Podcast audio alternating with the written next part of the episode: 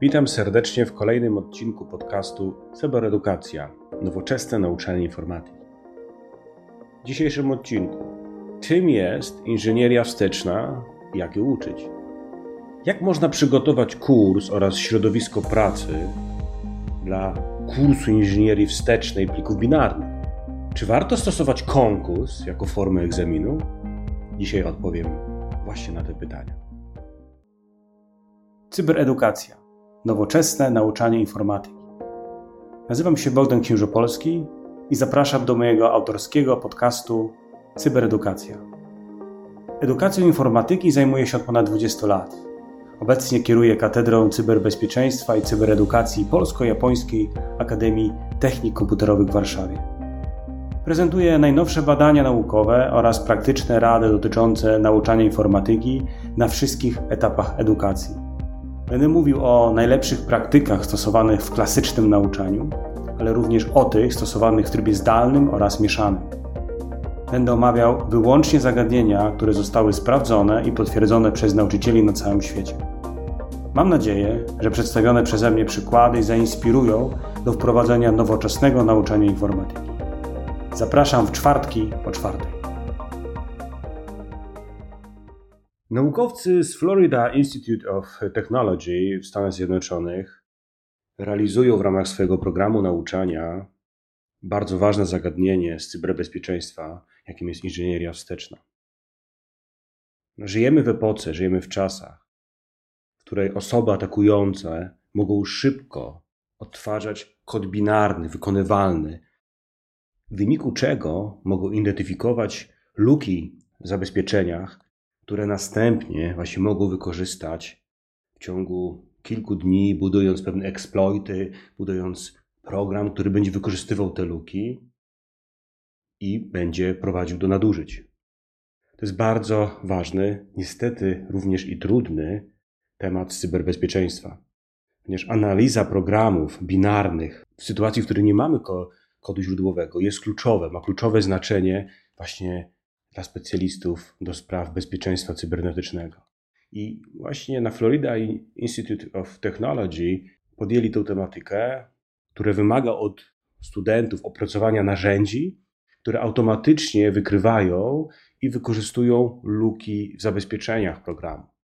Yy, jako wymagania wstępne, żeby uczestniczyć w tym kursie, bo to, są, to, jest, to jest dla kursów studiów pierwszego stopnia na informatyce, wymagania wstępne no, nie są takie niskie, ponieważ no, trzeba ukończyć pierwszy kurs wprowadzający zakres cyberbezpieczeństwa oraz kurs programowania w assemblerze. To, co sobie postawili, to chcieli spełnić wymagania, jakie są stanowe w NSA Cyber Operations, właśnie w zakresie inżynierii odwrotnej. I warto je sobie tutaj powiedzieć, ponieważ te wymagania to są wymagania, które możemy stawiać dla specjalistów do bezpieczeństwa IT właśnie w ramach tej inżynierii odwrotnej. I tu mówimy o tym, że specjaliści w tym obszarze powinni używać narzędzi branżowych do bezpiecznego przeprowadzania stetycznej i dynamicznej analizy oprogramowania o nieznanym pochodzeniu. W tym zaciemniania, czy obfuscation, aby w pełni zrozumieć funkcjonalność oprogramowania. Czyli mamy jakiś kod binarny, wykonywalny, i my poprzez inżynierię wsteczną, analizę inżynierii wstecznej, statycznej, dynamicznej, e, jesteśmy w stanie zobaczyć, jak w rzeczywistości dany program funkcjonuje, pomimo również e, stosowania pewnych e, mechanizmów zaciemniania, czyli. Tak obfuscation. Co dalej w tym standardzie mówimy, co musimy umieć?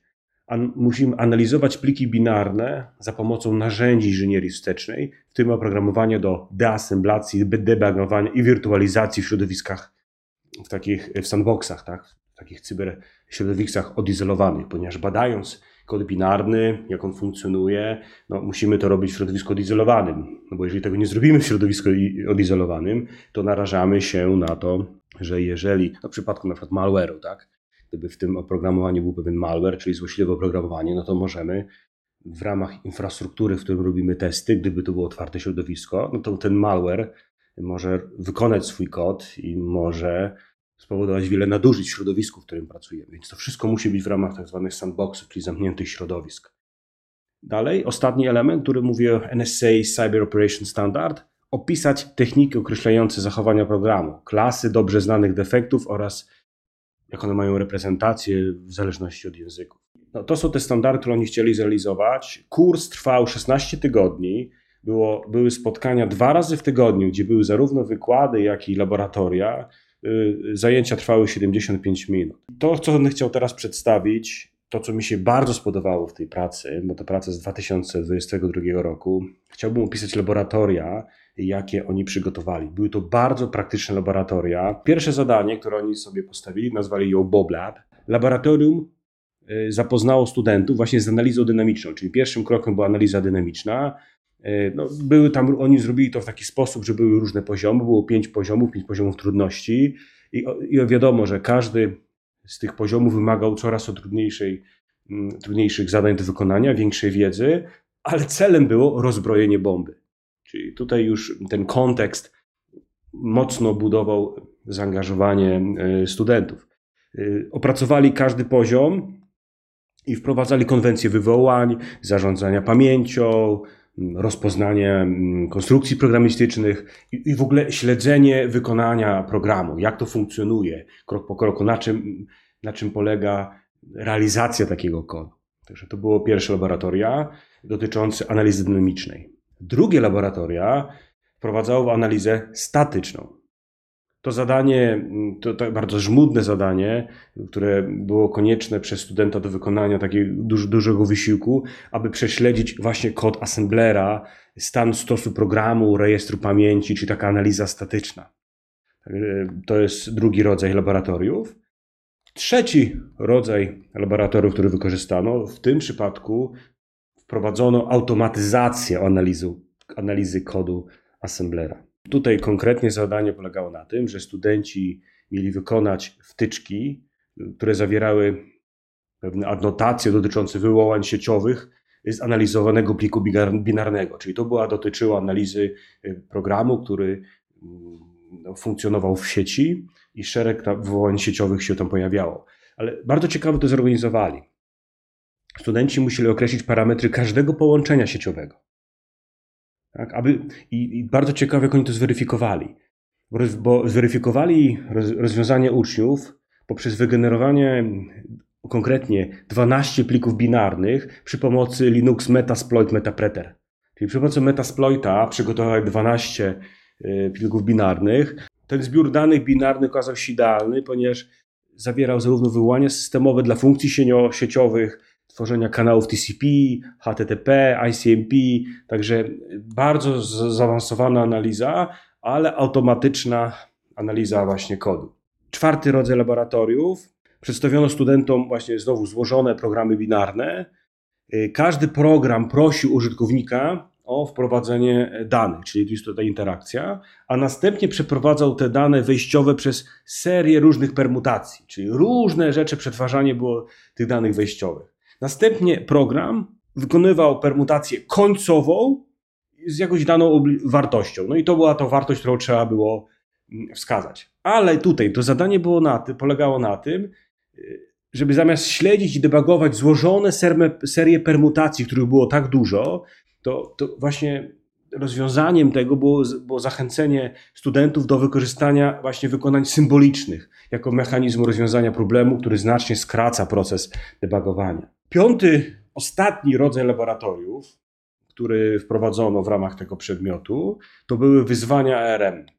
I tutaj właśnie smartfony, wiemy o tym, jak urządzenia internetu rzeczy pracują na procesorach ARMach 64. No, dzięki temu, głównie dlatego, ponieważ zapewniają, te, ta architektura e, zapewnia mniejsze zużycie energii, co w przypadku urządzeń z ograniczonymi zasobami, E, jak internetu rzeczy, czy też smartfonów, jest to rzecz bardzo ważna. Właśnie przedstawiając studentom tą inną architekturą, e, postanowili przed nim, postawiła się wyzwanie, aby wykazali się umiejętnością opracowania niezależnych od architektury podejść do analizy inżynierii wywrotnej. Czyli jak mamy armową, proszę bardzo, jak mamy architekturę klasyczną, jak najbardziej również, żeby umieli się w tym zachować. Znaczy, takie podejście wymagało od studentów mm, komponowania rozwiązań zamiast wykonywania mm, liniowych kroków debugowania. Bo ważne oczywiście nauczyć się pewny, pewien proces, proces wykonania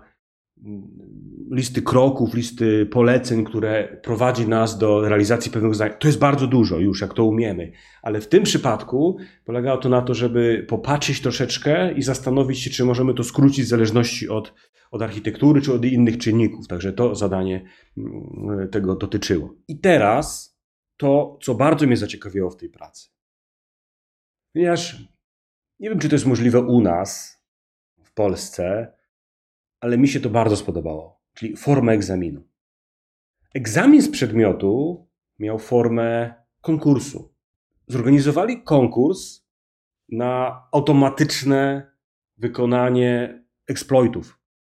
I to był egzamin końcowy z przedmiotu, który w rzeczywistości gromadził całą nabytą wiedzę przez cały kurs, właśnie z inżynierii odwrotnej, dotyczący właśnie eksploracji rozwiązań dotyczących tworzenia binarnych exploitów. To było ba bardzo ciekawe podejście, ponieważ poprosili studentów o napisanie narzędzie, które automatycznie wykrywało i wykorzystywało luki w zabezpieczeniach programu. Mieli program, tam było, e, z tego co pamiętam, 85 luk w ramach otrzymanych binarek i mieli zespołowo napisać kod, który będzie eksploitował dane luki oprogramowe. Bardzo ciekawe podejście, ponieważ jest całkowicie inne podejście co do sprawdzenia wiedzy. W ogóle nie, egzamin nie tyczył się zagadnień teoretycznych. O tym nie rozmawiamy.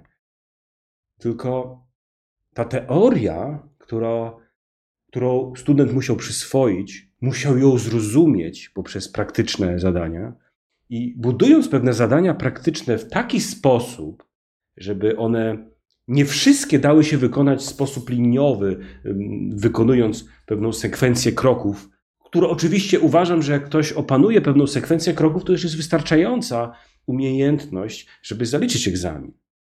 Ale w tym momencie można takie zadania praktyczne zaproponować, która, których rozwiązanie w danym czasie do których rozwiązania będzie potrzebna ta wiedza teoretyczna, ale sprawdzana w sposób praktyczny. Co mi się jeszcze podobało, że jasno określają, tylko nie powiedzieli dokładnie jak, ale powiedzieli, że aby zrównoważyć potencjalnie negatywne skutki współzawodnictwa, podzielili studentów na trzy zrównoważone zespoły biorące udział w konkursu. No i teraz tak, pięknie o tym mówię, cudowne laboratoria, ale jak to zrobić? Kluczem tutaj jest, poza oczywiście wiedzą i umiejętnością mm, instruktorów, jest przygotowanie odpowiedniego środowiska pracy. I oni w tej pracy wymieniają, i to jest dla mnie niesamowite, jak można sercem, jak można przygotować laboratorium do pracy specjalistycznej. Ponieważ oni wykupili po pierwsze, wykupili dla, tego, dla tych studentów na platformie CTFD miejsce do hostowania plików binarnych, gdzie, gdzie, gdzie organizowali całe konkursy CTF-owe. Ja w komentarzu do tego odcinka dodam te linki do tych, do, do tych elementów, które zostały zrealizowane, wykorzystane w ramach tego mm, kursu. Dalej przygotowali, wykupili akademickie licencje do Binary Ninja kolejne narzędzie do inżynierii odwrotnej, Gidra, Hextrace, tak? Czyli przygotowali, wykupili różne płatne, jak Binary Ninja, ale też i darmowo open source'owe środowiska, które zostały wykorzystane, oczywiście wcześniej na laboratoriach, bo te środowisko pracy były wykorzystywane do różnych zadań. Oczywiście udostępnili również środowisko Dockera, żeby ustandaryzować środowisko studenckie, ponieważ pewna baza, pewna baza narzędzi jest standardowa, która powinna być wykorzystywana. Oczywiście Kali Linux załatwia nam temat, można powiedzieć, ale oczywiście można doinstalować pewne specjalistyczne mm, narzędzia do, do tego środowiska bazowego, który można udostępniać. I w ramach tych zadań, tego środowiska, można wykonywać po pierwsze laboratoria w taki sposób, ale również egzamin ponieważ na egzaminie też o tym powiedzieli, że udostępnili studentom kontener właśnie Dockera, który właśnie ustandardyzował środowisko konkursowe. w ramach narzę głównego narzędzia, jakie Kali Linux i tam doinstalowali pewne specjalistyczne oprogramowanie.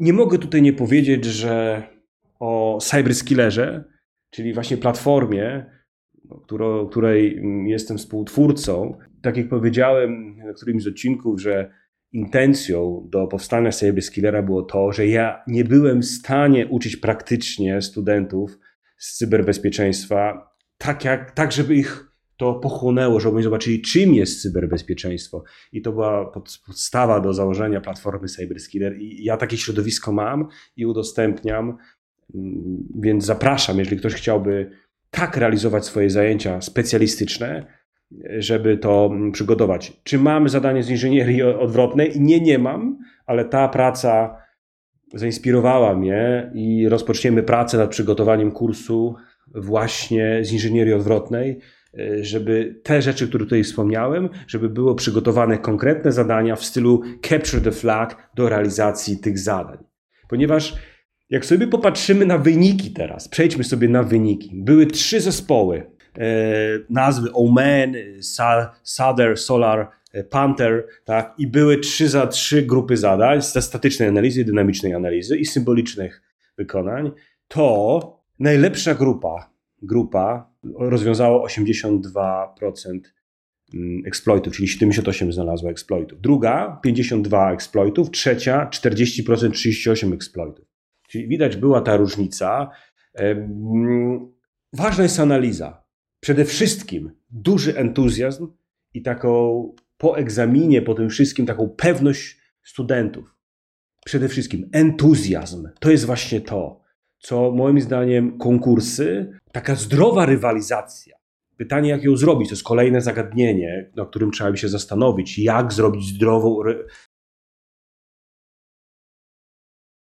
konkurencję, tak jak oni mówią, aby zrównoważyć potencjalne negatywne skutki współzawodnictwa. To trzeba tym znowu zarządzić jakoś, ale można to zrobić i wtedy wywołujemy to dodatkowe zaangażowanie, żeby oni poszli w tym kierunku tak jak oni napisali, a tutaj naukowcy, że przed egzaminem końcowym studenci wyrażali nieformalnie podczas rozmów, tak napisali, komentarze, że byli trochę niepewni, pewien niepokój, jak oni napiszą ten program automatycznego generowania exploitów. To jest normalne, że zawsze przed egzaminem mamy takie, taką niepewność. Ale po tym egzaminie zaobserwowali, że podejście właśnie oparte na współpracy, ponieważ mamy zespół, nie jest jedna osoba tylko mamy współpracę, przyniosło sukces. I dlaczego? Ponieważ oni przed rozpoczęciem egzaminu podzielili się na różne elementy, na różne specjalizacje, na różne obsługę różnych narzędzi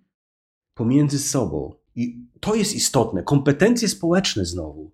Czyli oni zarządzili tym, przygotowali się parę tygodni do tego konkursu, no bo to był egzamin, współpracowali podczas samego egzaminu to, co mi się akurat podobało, że to, co mówili, że studenci byli dumni ze swoich rozwiązań i publikowali swój automatyczny kod, tak, no ten program autom automatyzujący na swoich GitHubach.